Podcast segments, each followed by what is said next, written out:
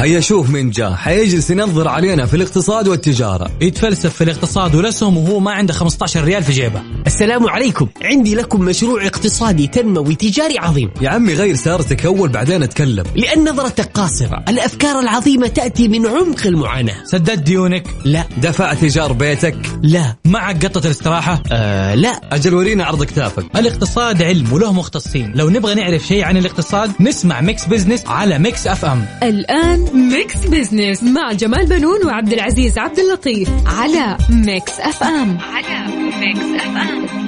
Mix Business مع جمال بنون وعبد العزيز عبد اللطيف على Mix FM. على Mix FM.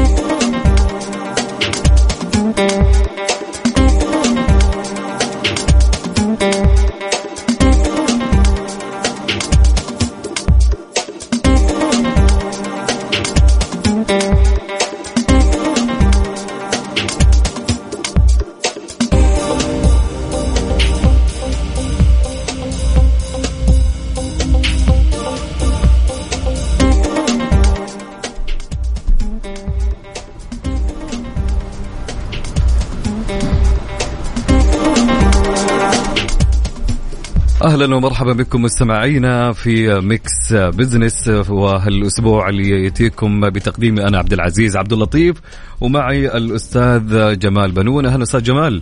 أهلا وسهلا عبد العزيز واهلا بالسادة المستمعين. طبعا هذا البرنامج اليوم يأتي بحاله استثنائيه ما بين جدة والرياض. أهلا ومرحبا بالسادة المستمعين. طبعا نبدأ مشوار حلقتنا اليوم. قبل ما نبدأ كيف الأجواء عندكم في الرياض أستاذ جمال؟ والله ال- ال- الأجواء في الرياض جدا ممتعة طبعا. أنت عارف إنه آه، موسم الرياض انطلق قبل يومين. جميل. وكان يعني حدث آه، ترفيهي اقتصادي الحقيقة ضخم جدا.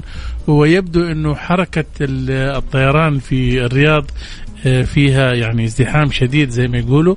ليش؟ لأنه في إقبال كبير وال أنت عارف الموسم حيستمر عدة أشهر.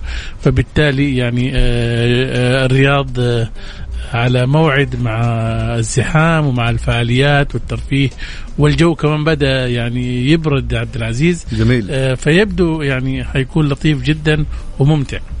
جميل. طبعا نبدأ مشوار حلقتنا اليوم بالخبر الاحدث تنطلق في الرياض خلال الفترة من 25 إلى 27 أكتوبر منتدى مبادرة مستقبل الاستثمار في نسخته السادسة. هذا الحدث الاقتصادي المهم بحضور لافت من صناع القرار الاقتصادي المحلي والعالمي ويحمل شعار الاستثمار في الإنسانية تمكين نظام عالمي جديد. ومن المتوقع أن يبلغ عدد المشاركين نحو 6000 مشارك و500 متحدث في آه، جلسات التي تبلغ عددها 180 جلسة. ويشهد صحيح عبد العزيز آه، بالفعل آه، حدث مهم طبعا أكيد. المؤتمر هذا طبعا. أنه آه، آه، النتائج اللي حيخرج فيها الم- المنتدى وخاصة المشاركين فيها آه، من عدة آه، دول جميل. وكمان خليني أضيف لك معلومة إنه ال- حيشهد المنتدى 30 ورشة عمل وأربع قمم مصغرة موزعة على مدى الأيام الثلاثة طبعا لمناقشة مواضيع مهمة من بينها موازنة النجاح مع الاستدامة والصعود الجيو اقتصادي والمساواة في عالم غير متساوي آه، وما يواجهه قادة العالم في محاولتهم لإعادة العالم لما كان عليه قبل جائحة كورونا وما يواجهه من تحديات مستعصية وغير متوقعة طبعا. جميل جدا. من جهة أخرى أستاذ جمال أطلق ولي العهد السعودي الأمير محمد بن سلمان الاستراتيجية الوطنية للصناعة الهادفة للوصول إلى اقتصاد صناعي جاذب للاستثمار. يسهم في تحقيق التنوع الاقتصادي وتنمية الناتج المحلي والصادرات غير النفطية. وحل آه، ممكنات الاستراتيجية الصناعية قال آه، ولي العهد في آه، لدينا جميع الممكنات للوصول إلى اقتصاد صناعي تنافسي ومستدام من مواهب شابة طموحة وموقع جغرافي متميز وموارد طبيعية غنية وشركات صناعية وطنية رائدة. طبعا أستاذ جمال للتوسع أكثر حول هالموضوع يسرنا أن يكون معنا في الاستوديو في جدة في Mix FM الأستاذ مازن مصطفى لينجا مصرفي ومستشار مالي واستثماري عضو جمعية الاقتصاد السعودية. مرحبا آه، بك أستاذ مازن في Mix Business. أهلا بكم آه، وكل عام أنتم بخير وبلدنا بخير ونبارك لبلدنا هذه المبادرة. تمام؟ وإن شاء الله أقدم الشيء اللي نستفيد منه جميعا. طبعا في البداية أستاذ مازن ما هي ملامح الاستراتيجية الوطنية للصناعة التي أطلقها ولي العهد السعودي؟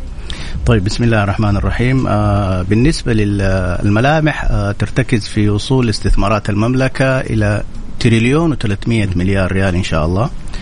آه إضافة إلى مضاعفة الناتج المحلي الصناعي إلى ثلاثة أضعاف ومضاعفة الصادرات الغير نفطية بالإضافة إلى توفير عشر آه، عشرات الآلاف من الوظائف المتخصصة في هذا القطاع ومضاعفة صادرات المملكة من النواحي التقنية المتقدمة. وتوطين قطاع الطاقة ورفع قطاع الاستثمار فيها إلى 2 تريليون و800 مليار ريال فقط في قطاع الطاقة. فهذه أرقام إن شاء الله حتبشر بخير بحول الله وإن شاء الله إن شاء الله نحققها. جميل. أستاذ جمال؟ نعم صحيح. أنا أعتقد إنه آه، إذا كان في إمكانية آه، نسأل الأستاذ مازن إطلاق. يعني أطلقت الاستراتيجية 100 مبادره أستاذ مازن. صحيح. آه، لتمكين قطاع الصناعة. أهمية هذه المبادرات؟ طبعا هي إجماليها 136 مبادرة. تتركز في تحفيز الموردين لتصنيع أهم قطاع قطاع صناعة السيارات. إضافة لمنتجات آه، الأدوية والمستحضرات الطبية وتحسين متطلبات المحتوى المحلي في الطاقة المتجددة نعم. وتطوير البنية التحتية للبيتروكيماويات والكيماويات المتخصصة إضافة إلى آه، تحسين معايير الجودة في الخدمات الغذائية وتجميع قطاعات الصناعات الغذائية. جميل. هل هذه المبادرات أستاذ مازن يعني بتشمل كل مناحي المجالات الصناعية اللي إحنا نحتاجها؟ هو في تركيز ل 12 قطاع صناعي إيش هم؟ طيب آه عندنا الآلات والمعدات وعندنا السيارات والطيران والقطاع العسكري والبحري والأغذية والكيماويات والأدوية والأجهزة الطبية والطاقة المتجددة والصناعات التعدينية ومواد البناء. يعني هذا هذه هذه الأساسية هذه المنهجية الاستراتيجية حقت القطاع 12 آه، قطاع. نعم. طبعا استهدفوا 118 سلعة صناعية. نعم. جميل. أستاذ مازن كيف سيستفيد المحتوى المحلي وكذلك المنشآت الصغيرة والمتوسطة من هذه الاستراتيجية؟ هم وضعوا ممكنات ومبادرات تمكينية آه، بإجمالي حوالي 15 ممكن. آه، طبعا في زيادة المساهمة للمنشآت الصغيرة والمتوسطة وهذا جدا مهم. استشراف الطلب على الخدمات الصناعية المستهدفة في الجهات الحكومية بالذات وتوحيد وتأهيل الموردين للشركات المملوكة للدولة. وتحسين معايير الجودة للقطع للسلع الصناعية المستهدفة. إضافة لتحسين اللوائح لجذب المستثمرين الأجانب وتعزيز الاتفاقيات التجارية للمملكة العربية السعودية وتقديم الحوافز هذه جدا مهمة لدعم الصادرات. نعم. وتحسين الحلول المالية. هذه جدا مهمة لأنها زي إيش؟ زي التمويل جزء منه في التمويل. وأهم بند اللي هو إنشاء مراكز الابتكار. وهذه جدا مهمة لأنها تخدم التقنية. وهذا فيها يعني توسع كامل. لأنه الآن أغلب الصناعات ترتكز على الذكاء الاصطناعي. أها. طيب أستاذ مازن يعني آه، الدولة رصدت يعني حتى الآن لهذه الاستراتيجية 52 آه، مليار ريال لتطوير آه، البنية التحتية صحيح. الصناعية طبعا. من وجهة نظرك أهم المحطات لتطوير مثل هذا يعني؟ آه شوف البعد التقني جدا مهم في القطاع الصناعي بالذات في الاستراتيجية الجديدة لأنها بتتكلم عن توسيع دائرة البيانات في التوسع أو في الثروة الصناعية الرابعة وانتشار أجهزة الإنترنت الأشياء تطوير المتزايد للقطاع الذكاء الاصطناعي وزيادة المساحة في استخدام الطابعات الثلاثية الأبعاد وهذه جدا جدا جدا مهمة في الصناعة. انتشار أنظمة الروبورتات وزيادة الاحتكاك بالمجال السبراني والتشفير. وإنشاء طبعا البنية التحتية للمدن الذكية. هذا أهم شيء في الموضوع. صحيح صحيح. أستاذ مازن آه، انتهى وقتنا. شكرا لمشاركتك معنا. العفو العفو.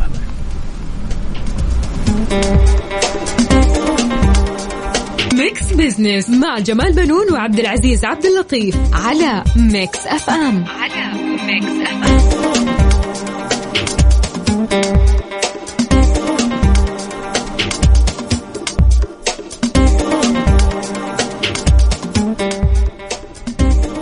أهلا بكم من جديد مستمعينا عبر أثير إذاعة Mix FM. أنا أخوكم عبد العزيز عبد اللطيف ومعي الأستاذ جمال بنون. أهلا أستاذ جمال.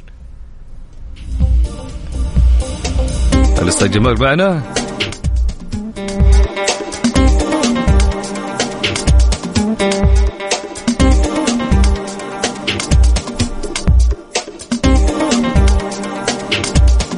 طيب ننوه على فقرات البرنامج. بشكل سريع. طبعا عندنا في فقرة على السريع نستعرض أبرز الأحداث والأخبار الاقتصادية مع تعليق على بعض منها. وفي فقرة حسبة ونسبة السؤال المطروح على مواقع التواصل وحساب مكسف أم على تويتر. فكان يقول سؤالنا آه، ما مدى رضاك لدورات المياه الموجودة في الأماكن العامة والأسواق والمساجد؟ عندنا أربع اختيارات. بعضها جيد أو آه، أعزكم الله الشطاف غير موجود أو إنها غير نظيفة أو لا تصلح لكبار السن. إيش رأيك أستاذ جمال في سؤالنا؟ والله شوف أنا أقول لك حاجة. اليوم آه، إحنا لا تنسى يعني آه، رفعنا نسبة استقبال الزوار والسياح وأصبحت اليوم عندنا مناطق أثرية والطرقات أصبحت يعني أكثر امتداد على مسافات طويلة وفبالتالي أنت عندك مسافرين في مختلف المجالات والناس بتتسوق وتخرج وتروح. فبالتالي أنت تحتاج إلى مرافق خدمات بحيث تريح الناس. آه اليوم في تجربة آه جدا جميلة أنا شفتها في بعض المدن بس هذه يعني قليلة جدا آه إن هذه في دورات مياه ذكية عبد العزيز. جميل. اللي هي؟ اللي هي تكون معاك بطاقة شايف؟ آه تكون انت تشحنها ب 10 ريال أو ب 20 ريال مثلا وتبقى معك متى ما تبغى تروح أي دورة مياه الله يكرم السامعين. وتدفع آه، هذا وتجد أماكن نظيفة آه، مريحة لكبار السن للأطفال للسيدات. وبالتالي أنت تحتاج إلى هذه الأماكن. للأسف الشديد إحنا يعني مثل بقية المجتمعات العربية آه، دورات المياه عندنا للأسف الشديد لا تصلح للاستخدام الآدمي. اللي كاتب ذكريات والله يكرمك. أرقام تلفونات وإيميلات ومن يداري إيش. غير أنه ممكن يسحب الشطاف مدري فين يوديه تلاقيه يعني تدخل مكان أنت ما ترتاح فيه. فبالتالي هذه طبعا تأثر على العملية. السياحية على العملية أنه الواحد ترتاد هذه الأماكن. فمن المهم جدا إحنا اليوم طبعا لازم تكون عندنا مثل هذه آه، دورات المياه الذكية النظيفة وما فيها حاجة ندفع فلوس ولكن على الأقل نستلم حاجة نظيفة. ولا أنت إيش رأيك؟ لا جميل جدا. يعني أغلب الأماكن بكل أمانة يعني خلينا نقول ما فيها اهتمام من ناحية النظافة. فخلاص الواحد يكون عارف يعني بكل امانه إذا كان يروح أي مكان خلاص يبطل على قولتهم إلا أن يلقى مكان آخر ولا تنسى في أي إحنا مجتمع الآن عندنا كبار سن اللي عنده مرضى يعني. السكر واللي عنده الضغط واللي عنده هذا يحتاج إنه هو يستخدم هذه الأماكن. فبالتالي يعني أنت يعني للأسف الشديد آه، يعني ما بتريحه. نعم. جميل. طبعا ودنا يعني ناخذ بتعليقاتكم حول سؤالنا لهاليوم. سؤال يقول ما مدى, ما مدى رضاك لدورات المياه الموجودة في الأماكن العامة والأسواق والمساجد؟ آه، عندنا أربع اختيارات بعضها جيد أو أعزكم الله الشطاف غير موجود أو إنها غير نظيفة أو لا تصلح لكبار السن. شاركونا على الواتساب على الرقم 054 11700 نعيد الرقم مرة ثانية 054 11700 أو على على موقع تويتر في آه، حساب Mix FM في تويتر Mix FM Radio. فشاركونا في هالمكانين. طيب آه، نكمل أكيد. ومعنا أيضا اليوم في فقرة أهل الثقة نستضيف الدكتور توفيق عبد العزيز السويلم الرئيس التنفيذي لدار الخليج للبحوث والاستشارات الاقتصادية بالرياض. ضيف مع الأستاذ جمال في الاستديو. أكيد صحيح أستاذ جمال؟ نعم صحيح حيكون في الرياض. وحنتكلم عبد العزيز عن توجه وزارة النقل السعودية لإطلاق 59 منصة آه، منطقة لوجستية في السعودية وأهميتها الاقتصادية. طبعا آه، أما في فقرة Spotlight وهذا عندك يا عبد العزيز آه، حتستضيفوا في مين؟ الأستاذ عمار جمال العماري مدرب معتمد في التخطيط الاستراتيجي مستشار تطوير الأعمال ضيف معنا اليوم في الاستوديو متواجد معنا في جدة للحديث حول كيفية زراعة الثقة في رائد الأعمال وصناعة المحفزات. كل هذا وأكثر اليوم أستاذ جمال وين؟ في جدة أكيد. والرياض أكيد في Mix Business طبعا. Mix Business مع جمال بنون وعبد العزيز عبد اللطيف على Mix FM على Mix FM أهل الثقة. ضمن Mix Business على Mix FM على Mix FM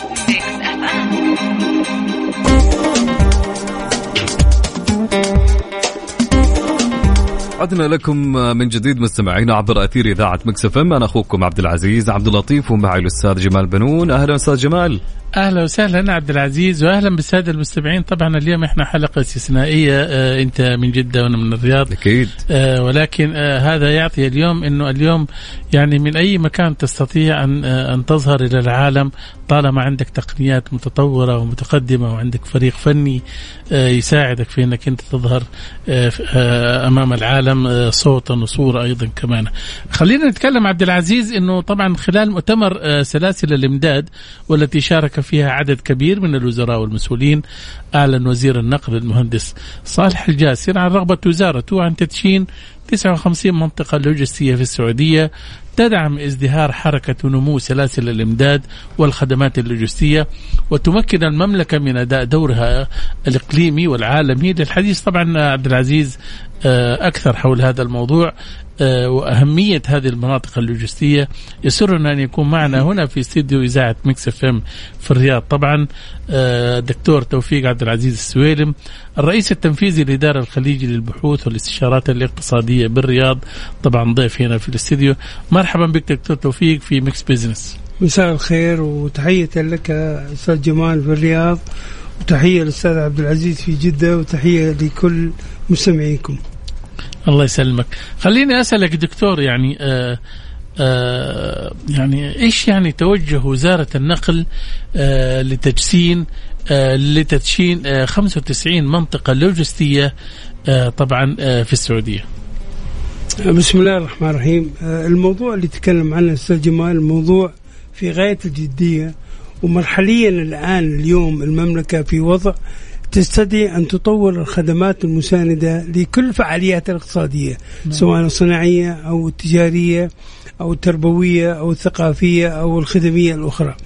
باختصار الخدمات اللوجستية هي الخدمات المكملة أو المساندة لكل فعالية. يعني مثلا من تأسس مستشفى أو تأسس جامعة نعم. أو تأسس مطار جميل تأسس مطار وفي صالة للضيوف وصالة للمسافرين وممر للطائرات لكن ما نعم. هي الخدمات المساندة؟ فكثير من الدول أو كثير من الشركات أو كثير من المؤسسات تفقد أو تخسر أو تكسب من الخدمات المساندة الخدمات اللوجستية. وبالتالي أصبح اليوم مو أمس أمس ربما نقبل.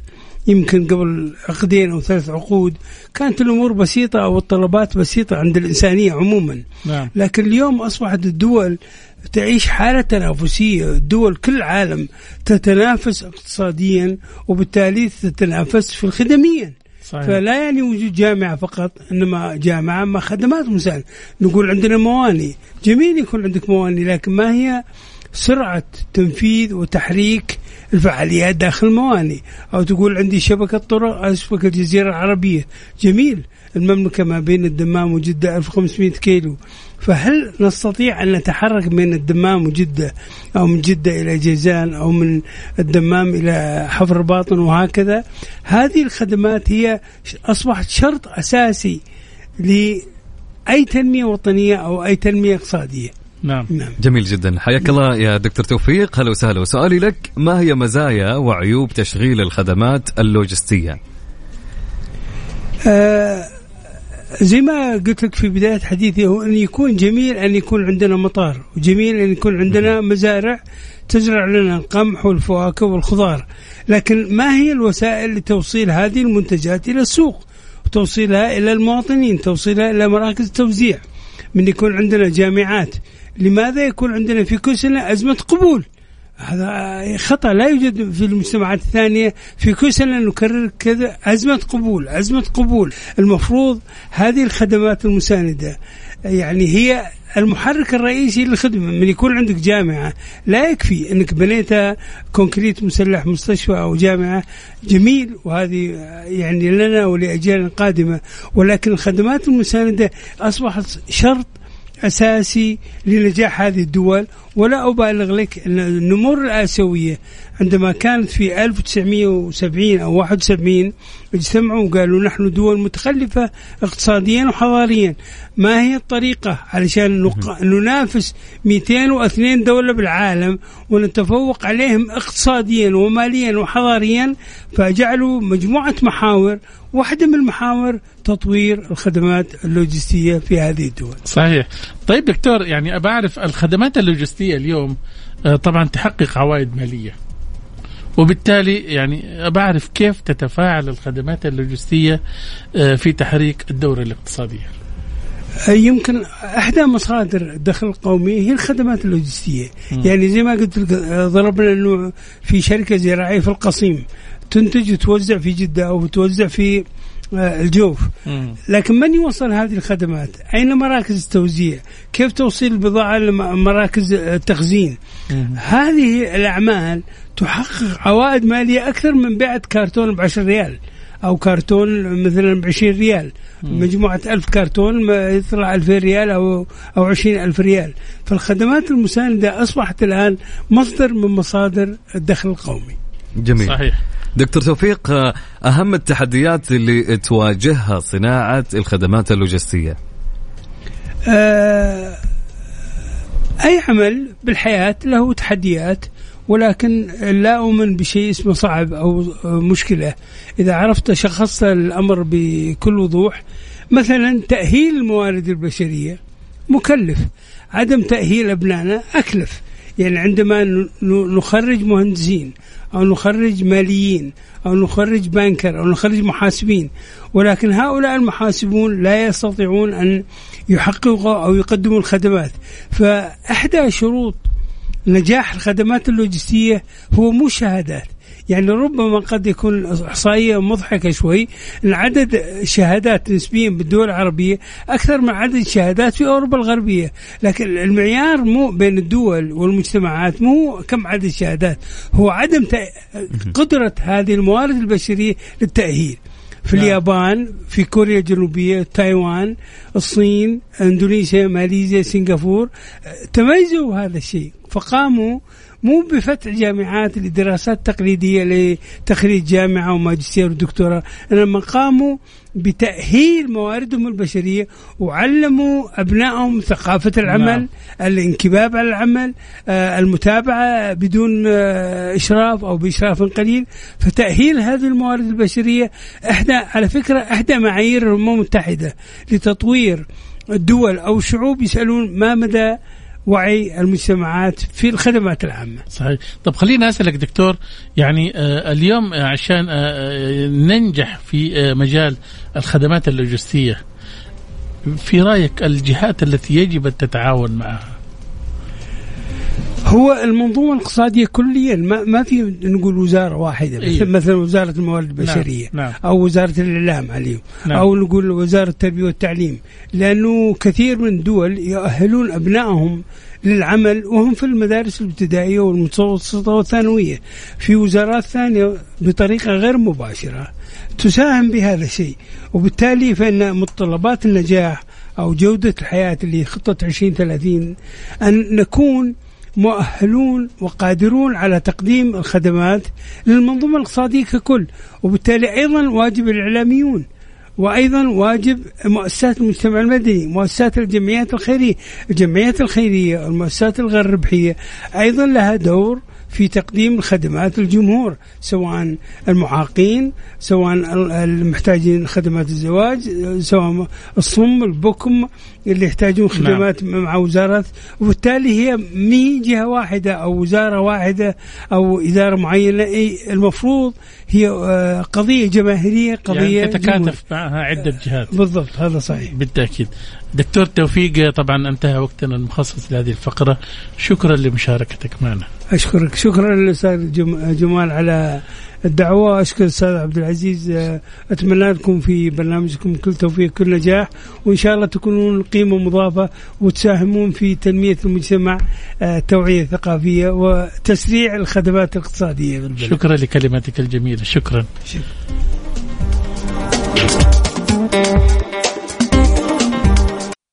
Mix Business مع جمال بنون وعبد العزيز عبد اللطيف على Mix FM على Mix FM Spotlight ضمن Mix Business على Mix FM على Mix FM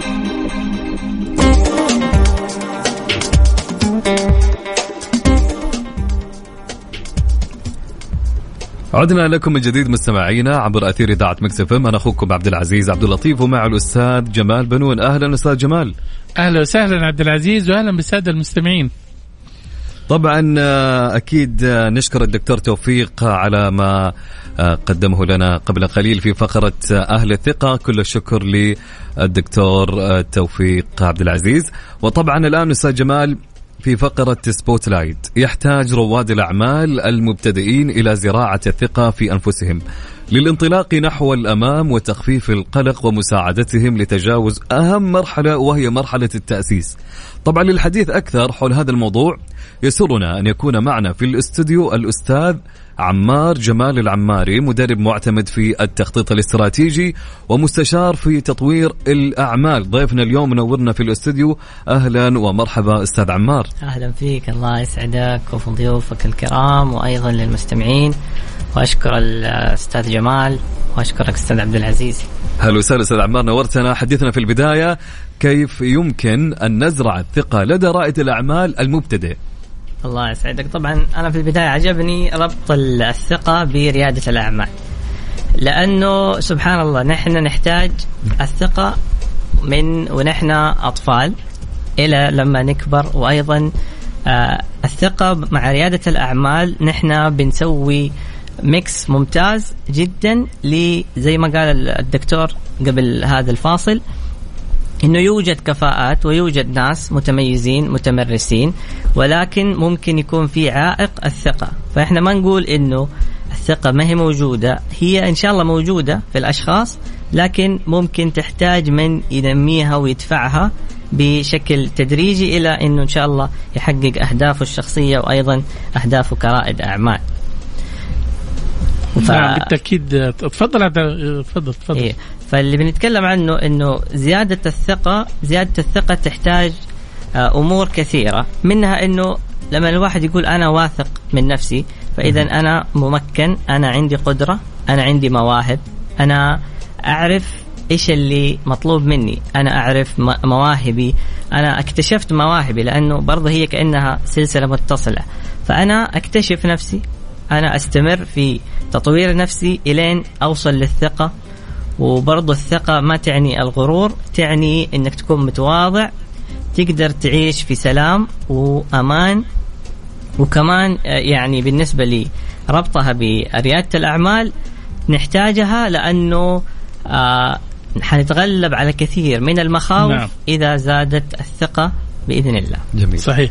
طيب عمار أنا حابب أسألك يعني إحنا كيف نعالج آه، حالة الإحباط. أحيانا طبعا ما نقول دائما آه، لدى صاحب الفكرة أو رائد مشروع لما يتعثر قبل أن ينتهي من الانطلاق. يعني هو لسه ما انطلق ولكن يبدو أنه هو تعب من يعني ربما التزامات بدأت تزيد عليه وهو لسه ما فتح المشروع ولا ربما يعني آه، تعقدت شوية المسائل في إدارات حكومية سواء شروط تعجيزية وشيء زي كذا. أحيانا تصيبه حالة الإحباط. كيف ممكن نزرع الثقة فيه؟ أوكي تمام. آه طبعا هو حيحتاج إنه آه في مسيرته أكيد في أمور لازم يكون عملها. في دراسات مسبقة للسوق في دراسات مسبقة للاحتياج حقة السوق أو المشروع. آه في اختيار لفريق العمل. آه، برضو لنفس الفكرة حق المشروع يعني هل هي فعلا تستاهل؟ هل أنت اختبرت الفكرة؟ هل جربتها مثلا آه، بشكل بسيط أو مبسط؟ يعني يعني أنت تحتاج أنه أنت آه، تشوف برضو الناس اللي معاك اللي في السوق. فين واصل من هذا المشروع؟ فين الفكرة اللي الآن أنت موجود فيها؟ بالإضافة أنه لما تكون في بداية مشروعك أكيد تحتاج داعم تحتاج داعم نفسي تحتاج داعم من فريق عمل من مستشارين من ناس خبراء في المجال. فانت يعني داخل وانت المفروض عامل احتياطاتك لأفضل النتائج وكمان حاطط احتمالات كثير منها إنه لا قدر الله ممكن يفشل المشروع لفترة مؤقتة. لكن آه، كخطط مضبوطة وإنت شغال عليها مضبوط بإذن الله إنه ينجح مع الاستمرار والتطوير وإنك تبدأ بشكل مبسط. وتستفيد برضو من المبادرات الموجودة الحكومية وأيضا المبادرات الموجودة في تطوير الشباب.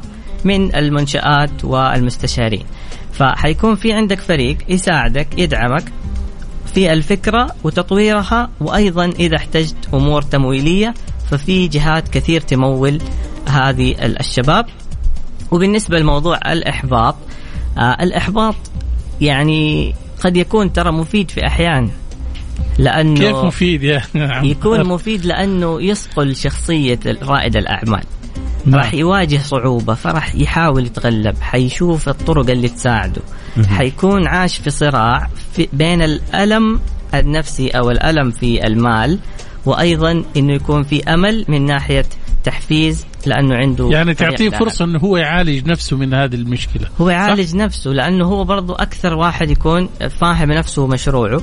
فبالتالي أنت بتسمعه بتمكنه كمان تعطي له الفرص وتسهل له يعني, يعني تعطيه دافع نقول نعطيه دافع أي. وكمان نساعده يعني لأنه إحنا نبغى الشباب نحن نبغى الشباب ينجح نبغى الأمور والدولة تتطور فأنا لما أدعم شبابي أنا بستثمر في البذرة الممتازة الناشئة إن شاء الله. جميل. أستاذ عمار هل بالضروري أن يكون آه، مؤمن بمشروعه مهما واجهت رائد الأعمال من عقبات؟ آه بصراحة لو أنت يعني عندك فكرة وما أنت مؤمن فيها يعني مين تبغى يؤمن فيها؟ يا سلام.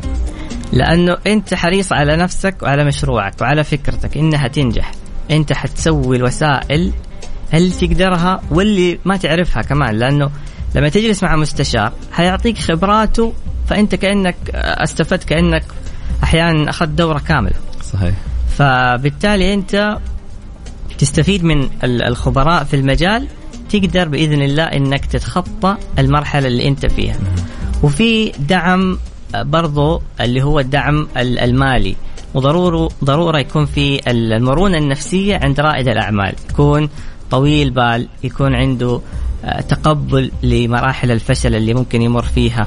يكون عنده آه، إحصائيات قاعد شغال عليها في بداية مشروعه. ولا يتعثر أو حتى لو تعثر لا يوقف من أول مرة. جميل. صحيح. صحيح. طيب عمار لو حبيت أعرف منك يعني آه، وأنت في يعني في مجال تطوير الأعمال إيش النصائح اللي التي يجب أن يتبعها رواد الأعمال في بداية انطلاقتهم؟ حلو. طبعا آه، النصائح إنه آه، يستثمر في نفسه قبل ما يبدأ في المشاريع اللي هو يبغاها. استثمارك لنفسك آه، بمعنى اكتشافك لنفسك لمهاراتك لقوتك للحاجة اللي انت تحتاجها. وأيضا إنه يعرف إيش احتياجات السوق احتياجات العمل. لأنه على قولهم إذا تبغى تتطور وتحل مشكلة فعلا واقعية أنت أوجدت المشكلة أو المشكلة موجودة أوجد حلول لها. إذا أوجدت حلول للمشكلة أنت بديت تمشي وتسلك آه، مسلك رائد الأعمال الناجح. بالتأكيد أستاذ عمار انتهى وقتنا المخصص لهذه الفقرة. شكرا لمشاركتك معنا. العفو الله يسعدك وممتن لكم جميعا. طبعا المستمعين كان معنا آه، الأستاذ عمار جمال العماري مدرب معتمد في التخطيط الاستراتيجي مستشار تطوير الأعمال ضيف معنا في الاستوديو. مستمرين أكيد معكم أنا والأستاذ جمال. صحيح يا أستاذ جمال؟ من نعم الرياض. بالتأكيد مع ال- الأجواء ال- والفعاليات. طبعا الرياض ترى مزدحمة يا عبد العزيز بالفعاليات والمؤتمرات والبرامج الترفيهية. مزدحمة في كل- الفعاليات وطرقها أكيد يعني. بالفعل بالفعل.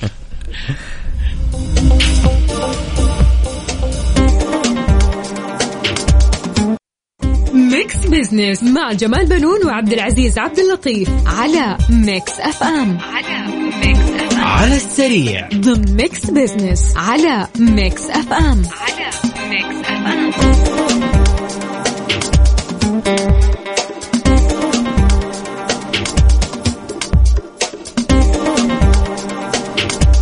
حياكم الله من جديد. هلا وسهلا ومرحبا فيكم في برنامج Mix Business أنا أخوكم عبد العزيز. عبد اللطيف ومعي الأستاذ جمال بنون. أهلا أستاذ جمال. أهلا وسهلا عبد العزيز وأهلا بالسادة المستمعين. آه، زي ما قلنا إحنا اليوم آه، طبعا حضرتك بتقدم من جدة وأنا موجود في الرياض. والشيء المميز اليوم إنه آه، كل ضيوفنا اليوم موجودين أكيد. عندنا في الاستديو فهذا شيء مميز. عبد العزيز خليني أقول لك اليوم يعني في فقرة على السريع اكسبرو آه، بتقول إنه 200 جهة حكومية تنهي طلبات الشراء في يوم واحد. يعني تصور أنه كشفت هيئة ال... هيئة كفاءة الإنفاق والمشروعات الحكومية إكسبرو على عن استفادة 450 جهة حكومية من الاتفاقيات الإطارية وإتمام طلبات الشراء في يوم واحد في آه، 200 جهة طبعا. طبعا لافتة إلى حصر الصعوبات في دفع المستحقات المالية والتطوير وإطلاق خطة تحسين إجرائية وفنية لمراحل تنفيذ الاتفاقيات الإطارية. ويأتي تعريف هذه الاتفاقيات الإطارية بأنها اتفاقية تقوم بها الهيئة مع الشركات الموردة نيابة عن الجهات الحكومية. صحيح. أيضا كمان لتقديم آه، خدمات تمكن الجهات الحكومية من التعاقد مع واحد أو أكثر من الموردين والمصنعين لتوريد مشتريات أو تقديم أعمال يتكرر طلب تأمينها بهدف تمكين الجهات من إصدار أوامر الشراء. طبعا الطلبات حصريا بناء على مواصفات الخدمات والأسعار المعرفة سابقا طوال فترة سريان الاتفاقيه طبعا بلغ عدد الجهات الحكومية المستفيدة من هذه الاتفاقيات أكثر من 450 جهة حكومية. في حين تمكنت أكثر من 200 جهة بإتمام طلبات الشراء في أقل من يوم واحد.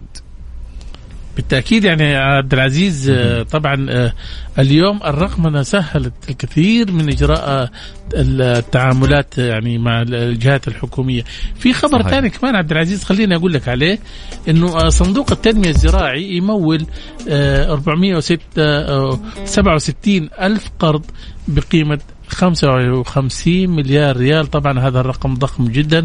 من الواضح إنه ال- اليوم ال- يعني ال- المؤسسات الصناعية آه، بتحظى بقروض آه، ودعم من آه، طبعا من مؤسسات الدولة. أكد صندوق التنمية الزراعي إسهامه بتمويل 467 ألف قرض بقيمة إجمالية بلغت 55 مليار ريال منذ إنشائه حتى نهاية العام الماضي طبعا. طبعا تتمثل في تمويل المشاريع المتخصصة كالدواجن والبيوت المحمية والاستزراع السمكي والصناعات التحويلية الغذائية. نعم وتستهدف القروض التنموية آه، التنموية عبد العزيز المزارعين ومربي الماشية والنحل وصيادي الأسماك بالإضافة إلى تمويل مشاريع الاستثمار الزراعي الخارجي طبعا وكذلك مبادرة تمويل رأس المال العامل لاستيراد المنتجات الزراعية المستهدفة في الأمن الغذائي بهدف تعزيز الأمن الغذائي ودعم المخزون الاستراتيجي. جميل جدا. طبعا ننتقل أستاذ جمال لسؤالنا لهاليوم في آه، حسبة ونسبة أكيد. وسؤالنا كان يقول أستاذ جمال ما مدى رضاك لدورات المياه الموجودة في الأماكن العامة والأسواق والمساجد؟ أنا ودي صراحة أخذ رأي الأستاذ مازن لينجا في هالسؤال والأستاذ عمار أكيد. في سؤالنا لهاليوم كان يقول سؤالنا ما مدى رضاك لدورات المياه الموجودة في الأماكن العامة والأسواق والمساجد؟ عندنا عدة اختيارات بعضها جيد أو عزكم الله الشطاف. عادة ما يكون موجود أو من أدوات الحمام يكون موجود أو غير نظيفة أو لا تصلح لكبار السن. حقيقة آه، في الفترة الأخيرة بدينا نلاحظ بالذات في المحطات آه، الطرق السريعة آه، إنشاء المحطات اللي هي تحت إدارة تشغيل شركات. ولمسنا الفرق في في دورات المياه كرمكم الله.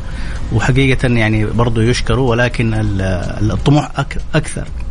أنا يعني بكل أمانة ركزت على موضوع كبار السن لأنه في دورات صحيح حقت ذوي الإعاقة ولكن بعضها آه، ما يكون يخدم كبار السن يعني آه، تحتاج شوية عناية خاصة. صحيح. فهذا رأيي كان. وإن شاء الله تتحسن في الفترات القادمة إن شاء بإذن الله. أستاذ عمار إيش رأيك؟ والله طبعا أكيد إن الواحد يحتاج النظافة في الأماكن هذه. لكن في أماكن غالبا اللي تكون مدفوعة آه، يكون فيها الأمور في النظافة أكثر صحيح. لكن العامة أو أحيانا في المساجد تكون ما تكون بالشكل الكافي أو تحتاج عناية أكثر صحيح. بصراحة لكن آه، برضو في الحمد لله ممكن جهات تطوعية أحيانا تقوم بنظافة المساجد والاهتمام فيها أحيانا أشخاص يقوموا بهذا الأعمال وما حد سبحان الله يعرف عنهم. فبرضو نقول الله يجزيهم خير. يعطيكم العافية أستاذ جمال. طبعا آه، خلينا نشوف آه، رأي الدكتور آه، توفيق. هو معانا في الاستديو. واعطينا يعني اليوم خلينا أقول لك حاجة يا دكتور. أنا أعتقد اليوم من أهم يعني الأسباب التي تجعل المتسوق أو الشخص اللي يروح الأماكن اللي يروح فيها إذا ما وجدت الخدمات الخدمات اللي هي مثل دورات المياه اللوجستية. اللوجستية. طب يلا قول لنا رأيك. تحية لك أستاذ عبد العزيز مرة هذا دكتور توفيق. وبالرياض وقت غدا عند ما أدري أنتم جدا مو وقت غدا. فاحنا لازم نمشي. حقول لك رأيي بسرعة. تمام تفضل. آه في ملاحظتين آه لازم نحطها على الطاولة قبل لا نتكلم بالموضوع. الملاحظة الأولى لا زالت الخدمات يعني العفو أقل من الامال يعني لو تسأل حقيقة السعوديين أو الوافدون العاملون عندنا في المملكه من مستويات حضارية جيدة يتعشمون أو يتأملون أكبر. هذه ناحية. الناحية الثانية من يرصد واقعنا خلال أربع عقود 30 40 50 سنة الماضية عندنا عدد هائل ملايين من الأعمال الوافدة للخدمات لأجل البنيان والتعمير والتشييد و وبالتالي كانوا هم آه، الرواد الرئيسيون إن صح التعبير. نحن في مثلا مجالس الأعمال في الرياض عندما يجينا وفود ومرات نبي نطلع من رياض القصيم أو من رياض الدمام من الطرائف اللي ننحرج فيها هي كيف الوفد الأجنبي اللي جانا كيف ومن الطرائف الأخرى اللي أكثر وأكثر إنه مرة جاء احد رؤساء الغرف في أحد المناطق وأراد أن يطلع للشرقية. فكان سيدات أعمال وكبيرات بالسن وعندهم سكر. فتصور لك 400 كيلو والسيدة هذه الكبيرة بالسن فكان الوضع محرج.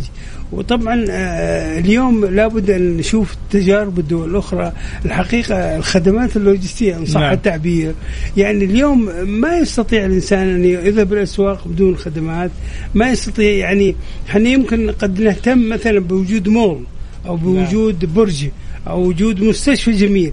لكن مستشفى نخاف من ندخله من أثر المرضى اللي فيه. صحيح يا دكتور. إن شاء الله تكون الرسالة وصلت وإحنا حاولنا يعني من خلال هذه الحلقة اليوم وأيضا من الآراء التي طرحناها إن نكسب يعني آه، تكون عندنا يعني آه، نوصل مسج للجهات المختصة لأنه فقط للأسف الشديد 10% من دورات المياه الموجودة اللي في الأماكن العامة وفي الأسواق وفي المساجد فقط اللي هي جيدة ولكن 90% للأسف الشديد هي غير جيدة. عبد العزيز. أستاذ جمال أنا كل اوجه لك تحية أنت والدكتور توفيق. شكرا لكم وشكرا للأستاذ مازن مصطفى لينجا آه، آه، مصرفي ومستشار مالي واستثماري عضو في جمعية الاقتصاد السعودية. كان ضيف اليوم معنا في الاستوديو. وأيضا الأستاذ عمار جمال العماري مدرب معتمد في التخطيط الاستراتيجي مستشار تطوير الأعمال. وأيضا الدكتور توفيق عبد العزيز السويلم الرئيس التنفيذي لدار الخليج للبحوث والاستشارات الاقتصادية. كان ضيف مع الأستاذ جمال في الرياض. شكرا لك أستاذ جمال. أنت أيضا. يعطيك العافية. يعطيك العافية. موعدنا يتجدد طبعا آه، الأسبوع المقبل. وإن شاء الله نكون قدمنا لكم حلقة دسمة وطبق من المعلومات المفيدة. في, أمان الله, الله.